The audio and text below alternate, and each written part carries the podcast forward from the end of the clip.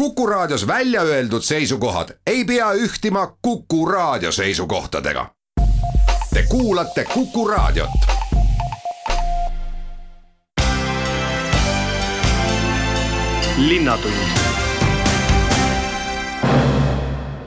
Tere kuulama saadet, mis seisab koos materjalidest Tartu veevärgi tööde ja plaanide kohta. võtame jutuks linnavalitsuse uue osakonna, ruumiloome osakonna loomise, räägime sadamaraudteest ja Karlova kooli tulevikust ning lõpetame Rahvaülikooli eurotunnustusega. jutte juhib Madis Ligi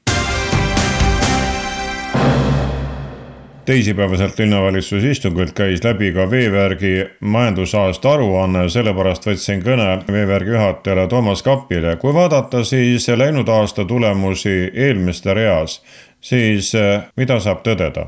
no vee tarbimine on ikkagi suhteliselt stabiilne tegevus vee tarbimine, rööva ärajuhtimine, et inimesel on loomulikud vajadused, majandustulemused olid ootuspärased ja me täitsime kõik oma suuremad eesmärgid, mis meil eelmiseks aastaks seatud oli. küll peab märkima seda, et äh, natukene muutus teenuste struktuur. et äh, kodutarbijal kasvas tarbimine seitse protsenti ja ettevõtlussektoris on siis vastavalt vee tarbimine vähenenud üksteist protsenti ja reo ärajuhtimine üheksa protsenti ja see on siis eh, põhiliselt tulnud eh, külalislahkussektorilt, aga natuke on ka need ettevõtted, kes siis olid suletud, nii et eh, see struktuur on muutunud, aga noh, kõik need vajadused on rahuldatud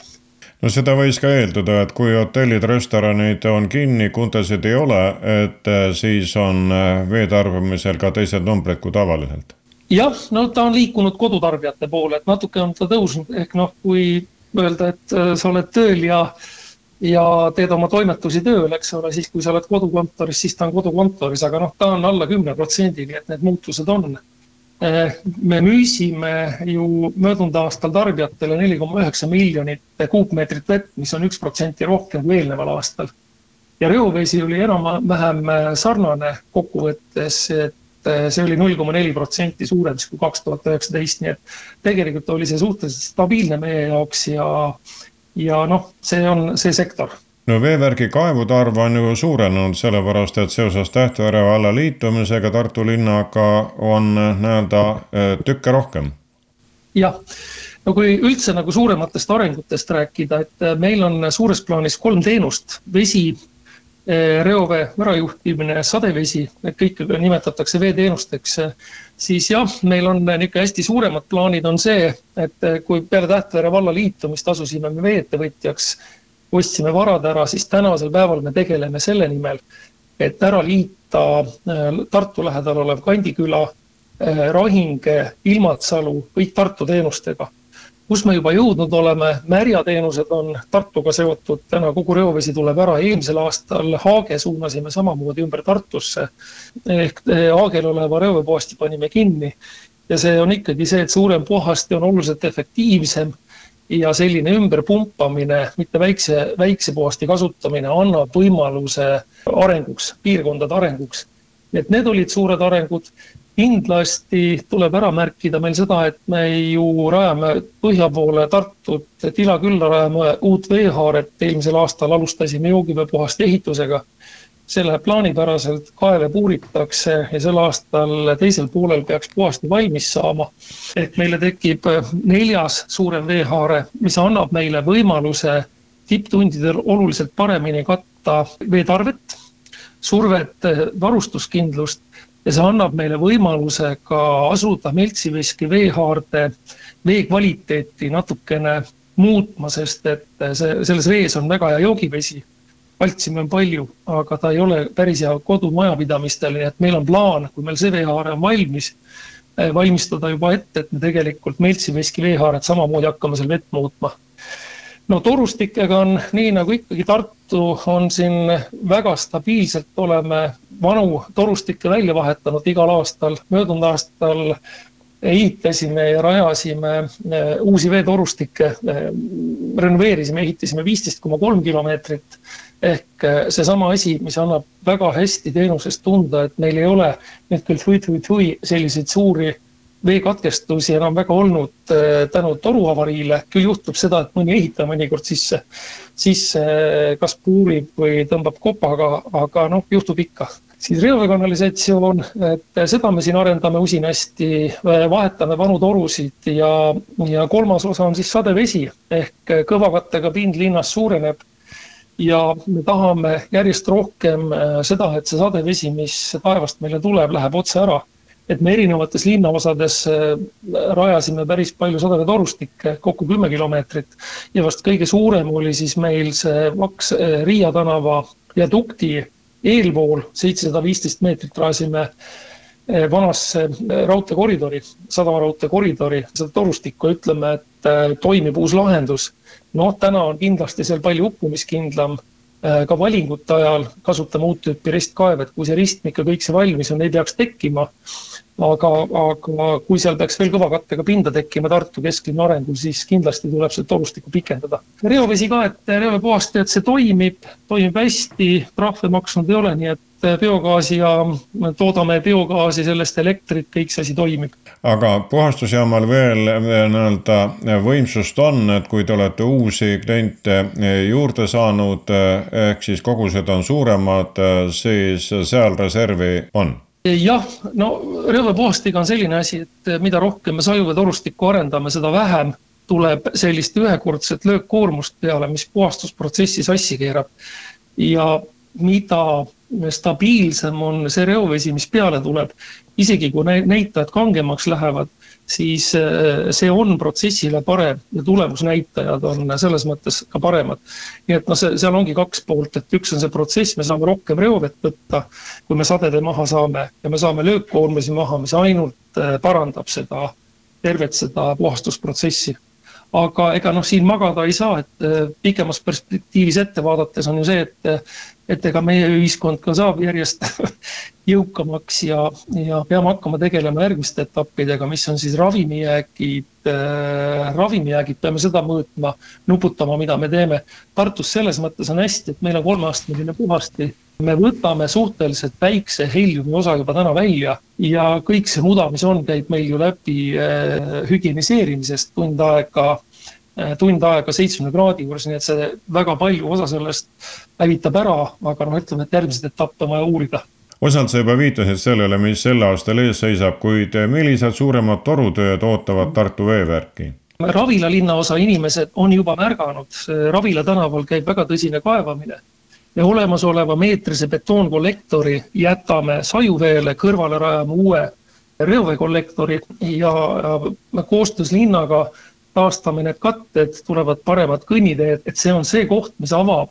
eelvoolu tervele Veeriku linnaosale sellel osal, kus veel ei ole. Ja noh, niisugused suuremad tööd veel, mis kindlasti tartlast puudutavad, juba alustasime Pääri tänavas sajuveetorustiku tegemisega terves lõigus. Munga tänav tuleb äh, tegemisele kesklinnas, mis on keerukas. linna poolt läbi viidud hangetel on Puiestee, äh, Turu tänava ristmik äh, Riiaga ja Turu tänav, nii et neid töid on tegelikult päris palju, osa on juba täna linnapildis näha ja need on kõik selleks, et tegelikult äh, võrgud võimalikult teenusekindlaks teha, võimalikult palju vett ära juhtida otse jõkke, sadevett. linnatund nüüd võtame jutuks uue linnavalitsuse osakonna, sellepärast et sel nädalal tuli Raekojas teave selle kohta, et Tartu saab ruumiloome osakonna, mida hakkab juhtima senine linnaarhitekt Tõnis Harjus. järelikult eh, on tulnud siis uusi ülesandeid, senise struktuuri teeb Jana välja ja on vaja luua uus osakond ruumiloome osakond. ja täpselt nii ongi, et kui me vaatame ka täna seda, millised väljakutsed on meil mitte ainult linnaruumi teemades, aga ka laiemalt keskkonnateemades ja globaalsetes trendides, siis on selge, et muutusi on vaja ja kui muutusi on vaja, siis see eeldab uut mõtlemist ja uus mõtlemine tegelikult eeldab ka uusi struktuure. ja me olemegi linnavalitsuses tõepoolest võtnud ette sihi veel kõrgemale tasemele viia linnaruumi arendamise protsessid selgete visioonide ja, ja selgete tasakaalustatud arengute sõnastamise ja suunamise ja sellest on ka ajendatud siis uue ruumiloome osakonna loomine. kes hakkavad seda tööd tegema selles loodavas osakonnas? see osakond on kümneliikmeline täna ja eesmärk on olnud siis tagada sellises struktuuris valdkondadeülene lähenemine ja see tähendab seda, et seal on tõepoolest esindatud siis nii minult, minu poolt siis arhitektuur, linnaplaneerimine, aga seal täiendavalt on siis vastikuarhitektuur, meil on kliimaspetsialist, liikuvusspetsialist, strateegiate koostaja, disainer, et väga niisuguse valdkondadeülese koosseisu oleme siin ette näinud, selleks, et me tõepoolest tagaksime arengut, mis ei jätaks ühtegi kivi pööramata ja midagi tähelepanuta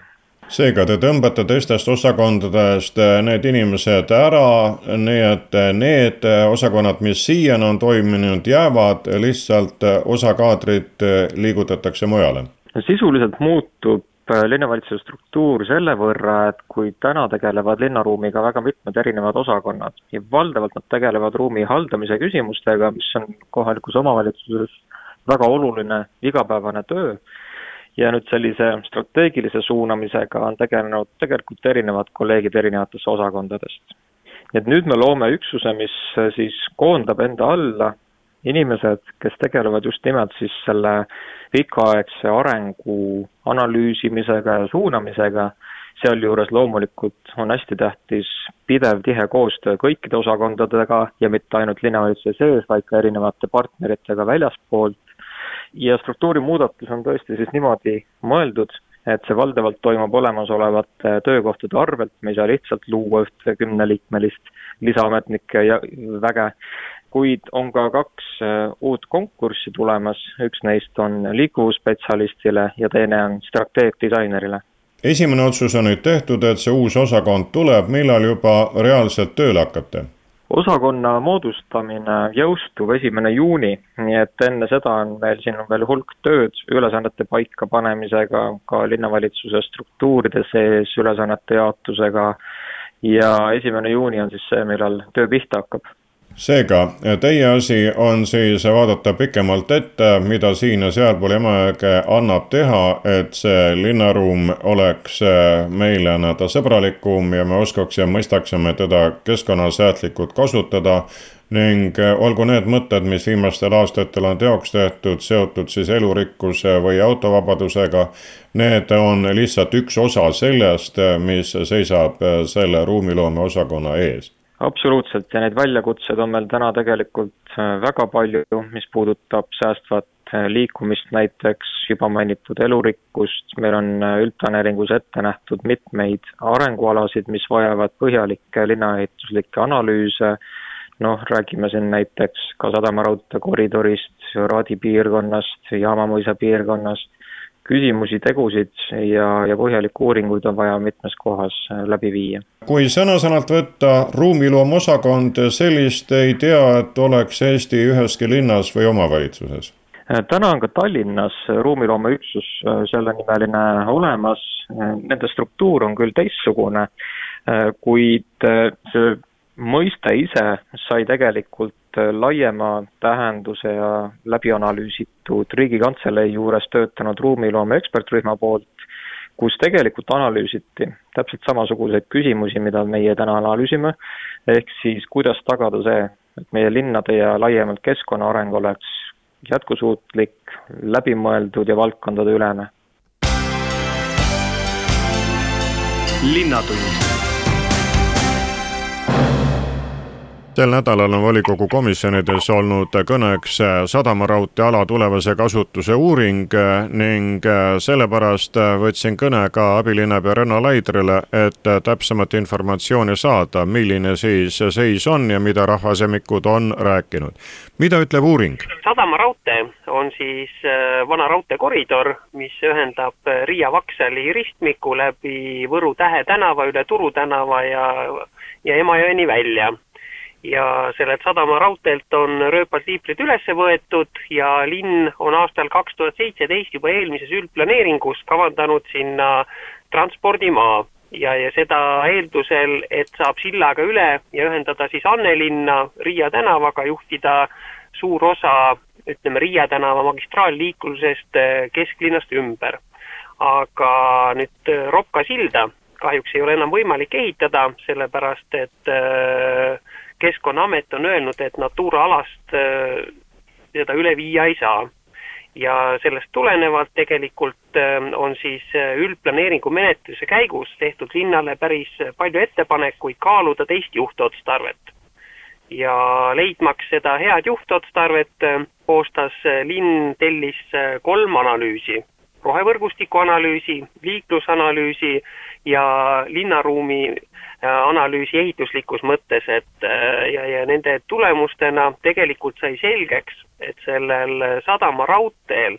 liikluse ümberjuhtijana, äh, ühendusteguri parandajana on tegelikult väga väike roll et neid autosid, kes seal tulevikus äh, sõitma hakkab, on äh, suhteliselt vähe, aga kui rääkida rohevõrgustikust, äh, heast elukeskkonnast, siis võimalus ühendada Emajõgi, Ropka park,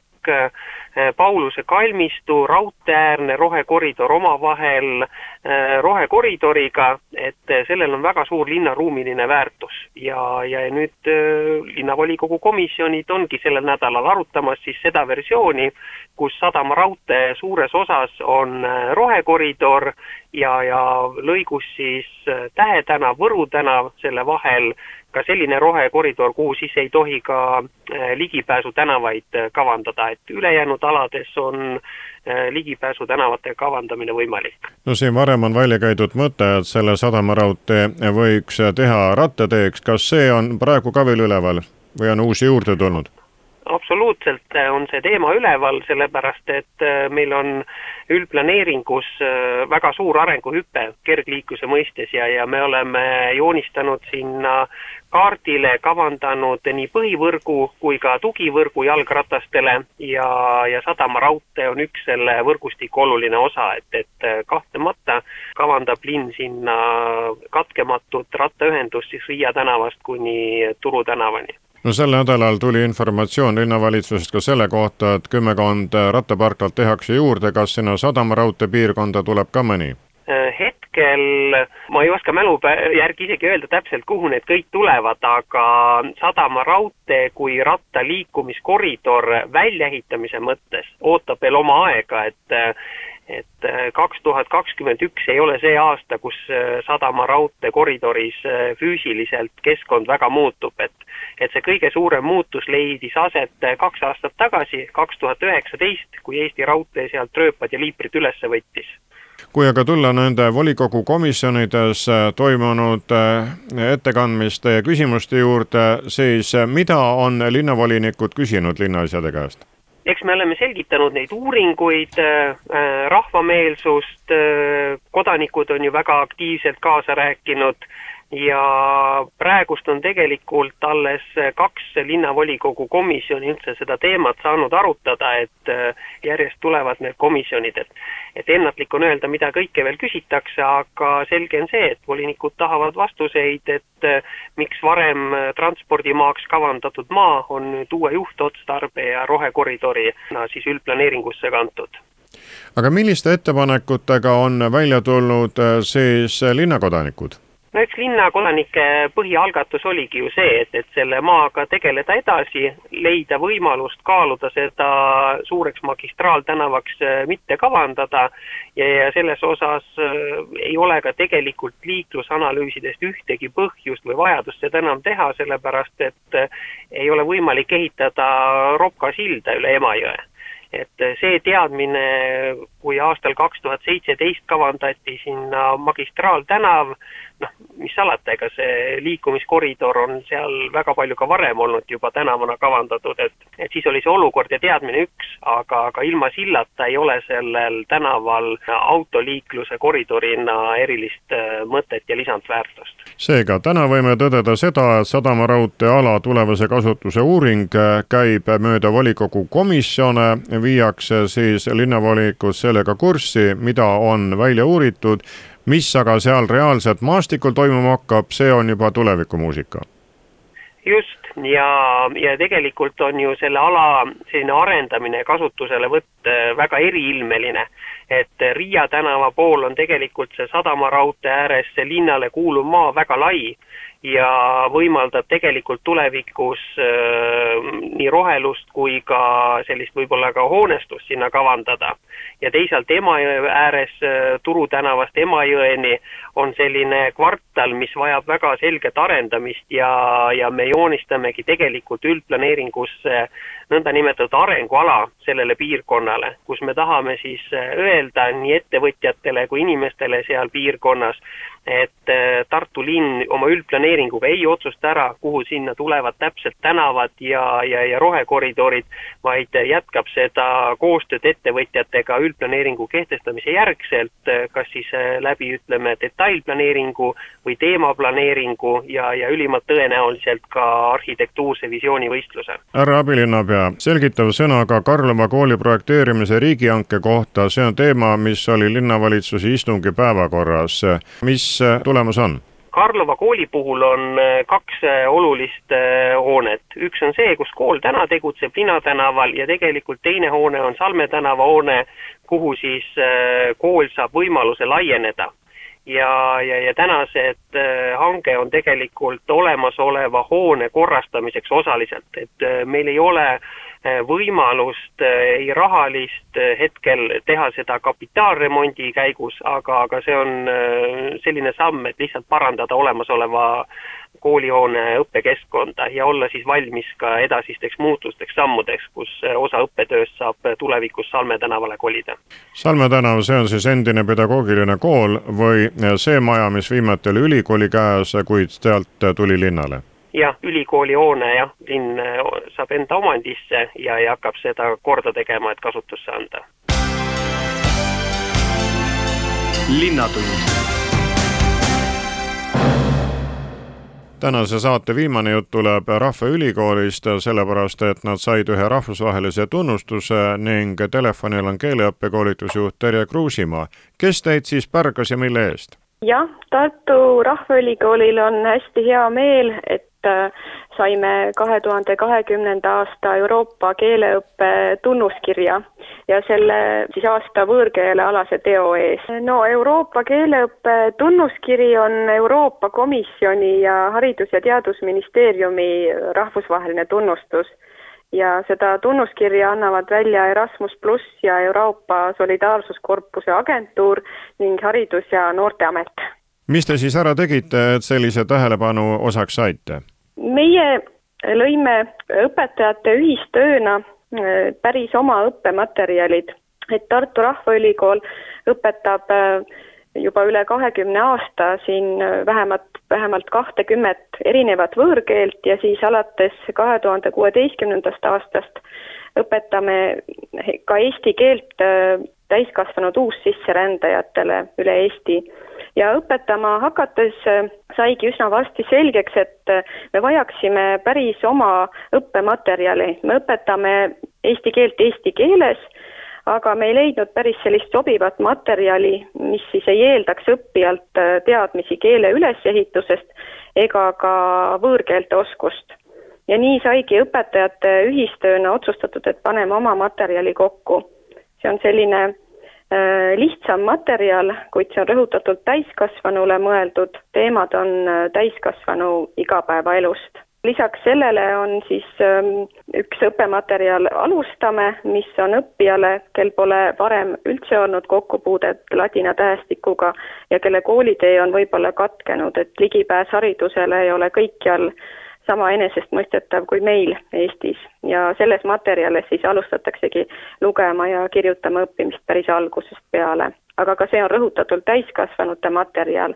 ja keskendub täiskasvanu igapäevaelule kas seda teie tehtud märkasid teised ja esitasid teid siis selle tunnustuse saamiseks või käib see kuidagi teistmoodi? Tunnustuse saamiseks esitasid meid kolleegid, kes olid märganud seda suurt tööd, mida me koos õpetajatega olime mitu aastat äh, teinud äh, ja koos pusinud ja siis äh, näinud, et, et milline asi sellest kokku sai ja soovisid siis, et ka laiem avalikkus teaks ja näeks seda, mida on tehtud igal juhul on see tunnustus teie ja teie kolleegide tööle, et nüüd on läinud asi igapidi täie ette ja laialt kasutusse, kas nii? täpselt nii, kõige suurem rõõm ongi tegelikult sellest, et kõiki neid materjale me kasutame õppijatega ja oleme juba näinud, et see on tõstnud õpimotivatsiooni ja sellist õppimisrõõmu et selle üle tegelikult ongi kõige parem meel. selle teie poolt räägitud teemaga haakub ka see, mis sel nädalal üles tuli seoses sisserände uuringuga, seal oli üks kant selles ka see lõimumine ja ka keeleõpe, kuid Terje Kruusimäe, kuidas siis praegustes koroonapiirangute oludes Rahvaülikooli keeleõpe käib, suumitate? Äh, ikka suumitame, rõõmsalt suumitame ja tegelikult äh, praegu on meil Zoomis siis äh, ligi seitsekümmend keelekursust ja lisaks keelekursustele tegelikult ka palju muid põnevaid kursuseid ja neid paneme ka uusi juurde kogu aeg, et näiteks meil on ka sisekujundus hästi populaarne, aiakujundus, terrassi ja aiakujundus, tootefoto ja selliseid hästi põnevaid kursuseid tegelikult tuleb, tuleb kogu aeg juurde et saab Zoomis õppida küll ja samamoodi on, on Zoomis meil siis äh, meie uussisserändajate keelekursused, mis ka toimivad väga kenasti. kui hästi need äh, uussisserändajad siis keele omaks võtavad, äh, eesti keelest jagu saavad? see sõltub kõige rohkem õppijast endast, nagu me kõik teame, aga üldiselt saan küll öelda, et need, kes on motiveeritud ja tahavad õppida, et na-, need saavad väga hästi hakkama ja päris mitu meie õppijat on juba sooritanud ära ka riikliku B1 taseme eksami ja teised on äh, siis sinnapoole teel, et projekti eesmärgiks on saavutada B1 tase eesti keeles. aga noh, see sõltub õppijast endast eelkõige. kui kaua nad tavaliselt õpivad, kui nad Rahvaülikooli tulevad? Rahvaülikool on eesti keelt uussisserändajatele õpetanud ähm, selliste projektide raames, mida siis kaasrahastab Eesti keel rahvusvahelise kaitse saajatele, mida kaasrahastab Euroopa Liit varjupaiga, rände ja integratsioonifondi kaudu ja Eesti Vabariigi siseministeeriumi ja need projektid äh, on olnud erineva pikkusega, aga nüüd siis äh, praegune käesolev projekt, mis äh, lõpeb aastal kaks tuhat kakskümmend kaks, et selle raames saavad meie õppijad õppida kuni seitsesada tundi äh, eesti keelt ja see õpe kestab siis noh, siin äh, võib kesta kaks aastat, ütleme keskeltläbi. Aga see seitsesada tundi ei ole siis mitte kõigile, vaid see sõltub sellest keeletasemest, et et kui õppija on, alustab päris nullist, et siis tal põhimõtteliselt on võimalus õppida kuni seitsesada tundi, aga kui ta äh, alustab äh, juba A2 tasemelt, et siis, äh, siis äh, vähem, et kuni nelisada tundi, aga vastavalt vajadusele, et mõned saavad, õpivad kakssada tundi ja saavad juba eksami tehtud, B1 taseme eksami. Kui need uued meie kaasmaalased tulevad eesti keelt teile õppima, siis üle millise keele nad eesti keelt omandavad? meie õpetame eesti keelt ilma vahenduskeeleta et täiesti õpetamegi ainult eesti keeles ja Eestis on ju ka keelekümblusel äh, väga pikk ja edukas ajalugu ja seda, seda rakendatakse. aga meie oma õppijad siis samuti ainult eesti keeles õpetame ja see oli ka üks põhjus, miks meil oli vaja päris oma materjale päris algusest peale alustata, alustavatele õppijatele. nii et äh, meil on õppijaid, kes võivad osata kuni viit võõrkeelt, aga siis meil enim kasutatavad võõrkeeled, inglise keel ja vene keel nende hulka ei kuulu, nii et tegelikult ka parima tahtmise juures me ei saaks mingeid võõrkeeli nendega kasutada, lisaks on grupid hästi heterogeensed, õppijad siis pärit noh, taustalt, siis nende emakeele taustalt ja kultuuriruumilt, nii et et eesti keel on see, mis meid ühendab kas tere on esimene sõna, mis te sisserändajatele selgeks õpetate? ma usun küll, et tere ja kuidas läheb, jah et sellest me alustame. seega ka praegu koroona ajal ikkagi Rahvaülikool töötab ja toimib ning ei ole karta seda, et nüüd õppetükid jäävad võtmata, kui õpetus käib üle interneti jaa, et ka praegusel ajal tegelikult kursused hoogsalt äh, toimuvad, et äh, seda küll ei ole karta, et õpe katkeb ja nagu mainisin juba, et äh, toimuvad ka paljud muud kursused, mitte ainult keelekursus, mis on ju hästi teostatav tegelikult veebis, aga ka muud kursused, et hästi palju põnevaid kursuseid, et innustan, innustan ka veebivõimalusi kasutama kõiki kallid kuulajad, sellega saab läbi ka saade, mis rääkis Tartu veevärgi majandusaastast, vee kasutamisest, veetrassidest, vee puhastamisest ja kanalisatsioonist ning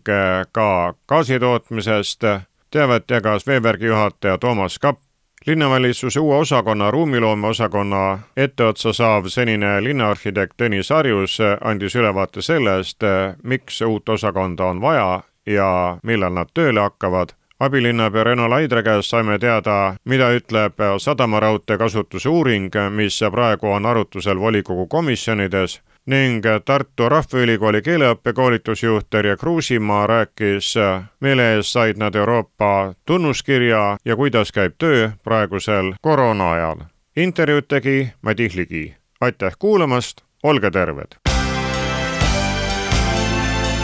linnatund